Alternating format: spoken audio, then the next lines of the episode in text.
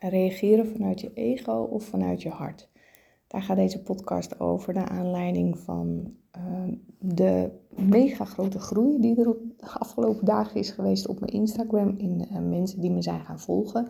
Geen idee of dat met uh, het algoritme te maken heeft of dat er toevallig gewoon veel quotes zijn gedeeld, maar er waren een aantal quotes die blijkbaar heel veel mensen raakten. En wat ik merkte was dat ehm, er heel veel positieve reacties onder de quotes verschenen, maar ook een aantal uh, negatieve reacties.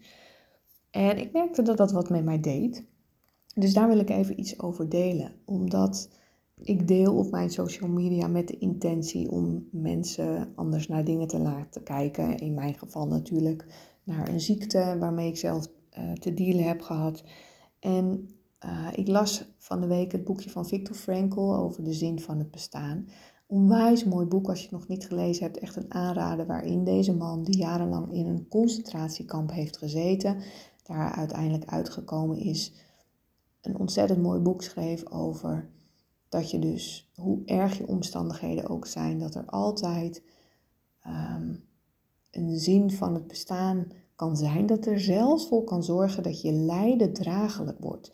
En dat raakte mij zo diep toen hij dat schreef, omdat de dingen die daar gebeurd zijn natuurlijk ja, zo pijnlijk zijn, zo zwaar zijn, dat je dat eigenlijk vanuit je hoofd bijna niet eens kan bevatten. En hij beschreef in een bepaalde passage dat de zon toen opkwam en dat die gevangenen eigenlijk allemaal stilstonden en zo genoten van die zonsopkomst.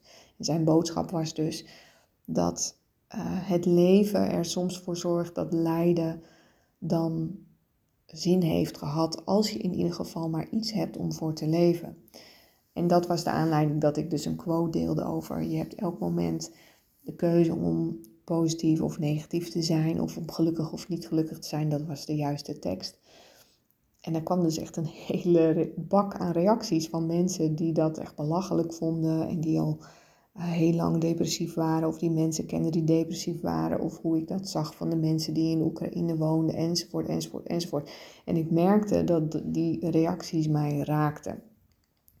En als jij merkt dat je dus geraakt wordt door een bepaalde gebeurtenis, dan helpt het sowieso om altijd eventjes rust en afstand te nemen. Dus niet meteen vanuit je eerste primaire reactie bam daarop reageren, hoewel dat vaak wel is wat we willen.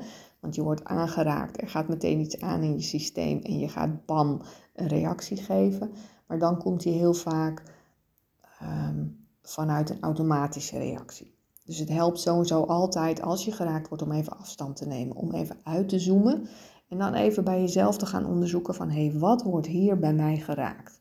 En in dit geval, bij mij is dat dus zo dat ik het vervelend vind als mensen boos op mij worden. Boos in die zin dat ze dus nu zeiden van belachelijk dat jij dit schrijft en uh, je moet als coach meer empathie hebben. Nou, dan vind ik dus dat ik juist iemand ben die heel veel empathie heeft. Dus dan, dan gaat er een reactie uit van hoe kan jij dit zeggen? Je kent me helemaal niet. Dus dat is super primair. En uh, wat er dan ook bij mij naar boven komt, is echt een heel stuk om mezelf dus te willen verantwoorden. Om te laten zien dat wat ik deel, dat ik dat juist vanuit de beste intentie doe.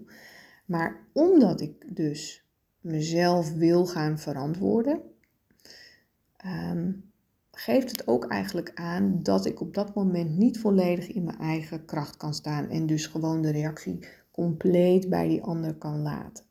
Nou, als je dat dan even voor jezelf helemaal uitgezoomd hebt met een situatie die op jou van toepassing is, dan kun je dus daarna bewust een keuze maken. Wil ik hier iets mee? Wil ik hier een reactie op geven of wil ik hier een andere actie aankoppelen? Nou, dat heb ik in dit geval gedaan. Ik heb een aantal reacties gewoon weggehaald omdat ik dat gewoon niet onder mijn Insta-pagina wil hebben. Ik wil gewoon een Insta-pagina waarin mensen elkaar in ieder geval met respect benaderen. En uh, ze mogen prima een andere mening hebben, maar voor mij gaat het er wel om hoe breng je die mening. Dus die heb ik echt gewoon even gescreend en sommige heb ik gewoon weggehaald, omdat het mijn pagina is. En uh, op andere heb ik gewoon gereageerd vanuit uh, ja, wat ik op dat moment dan voelde.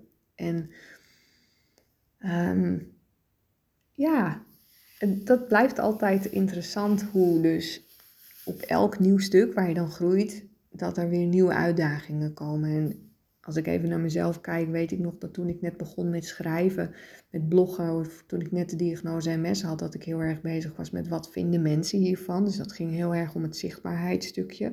Nu ben ik al een aantal jaren redelijk actief op social media. Uh, en nu merk ik dus dat, hè, dus als je meer bereik gaat krijgen, ga je ook mensen bereiken die het niet met mij eens zijn in dit geval en die dat anders zien. En dat kan natuurlijk en dat mag natuurlijk. En als het bij jou gebeurt, dan heb je dus nog altijd een keuze in wat wil jij ermee.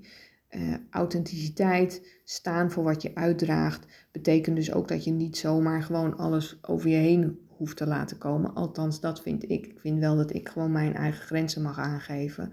Van sorry, maar als je op deze manier reageert, is dat mijn grens en dat hoef ik niet uh, op mijn Instagram te laten staan. Dus uh, ik, ik voelde gewoon dat ik daar eventjes heel kort iets over wilde delen, toch met een bepaalde boodschap erin. En um, ja, in de hoop dat jij er ook weer iets uit kan halen. Om gewoon dicht bij jezelf te blijven. Niet altijd vanuit een eerste impuls te reageren, maar altijd even uitzoomen.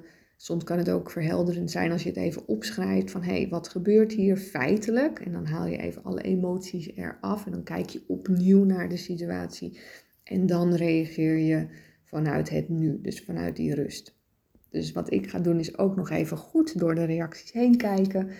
Um, voelen welke wil ik daar wel op laten, welke wil ik daar niet op laten, daar grenzen instellen en dan gewoon weer door met leven. Want dat is ook belangrijk dat je als er zoiets gebeurt ook weer uit de situatie stapt, dat je er dus niet in blijft hangen, dat je niet daaraan blijft denken, want dan geef je het de hele tijd energie.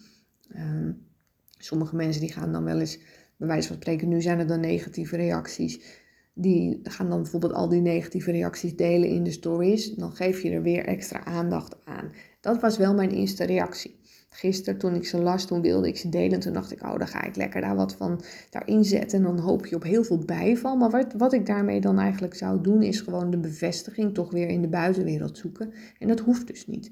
Zodra je de bevestiging bij jezelf kunt halen, uit jezelf kunt halen, dan heb je dat stuk allemaal niet meer nodig.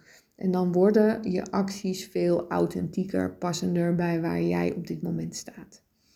Dus voor zover even een korte boodschap met de tip van dat boekje van Viktor Frankl, De zin van het bestaan. En ik wens je voor nu een hele fijne avond. Sowieso ben ik altijd benieuwd als jij um, zulke ervaringen hebt, hoe jij daarmee omgaat. Dus je mag me altijd een berichtje sturen of een DM'tje op Insta. Ik lees het vrijwel altijd. En um, keep on growing.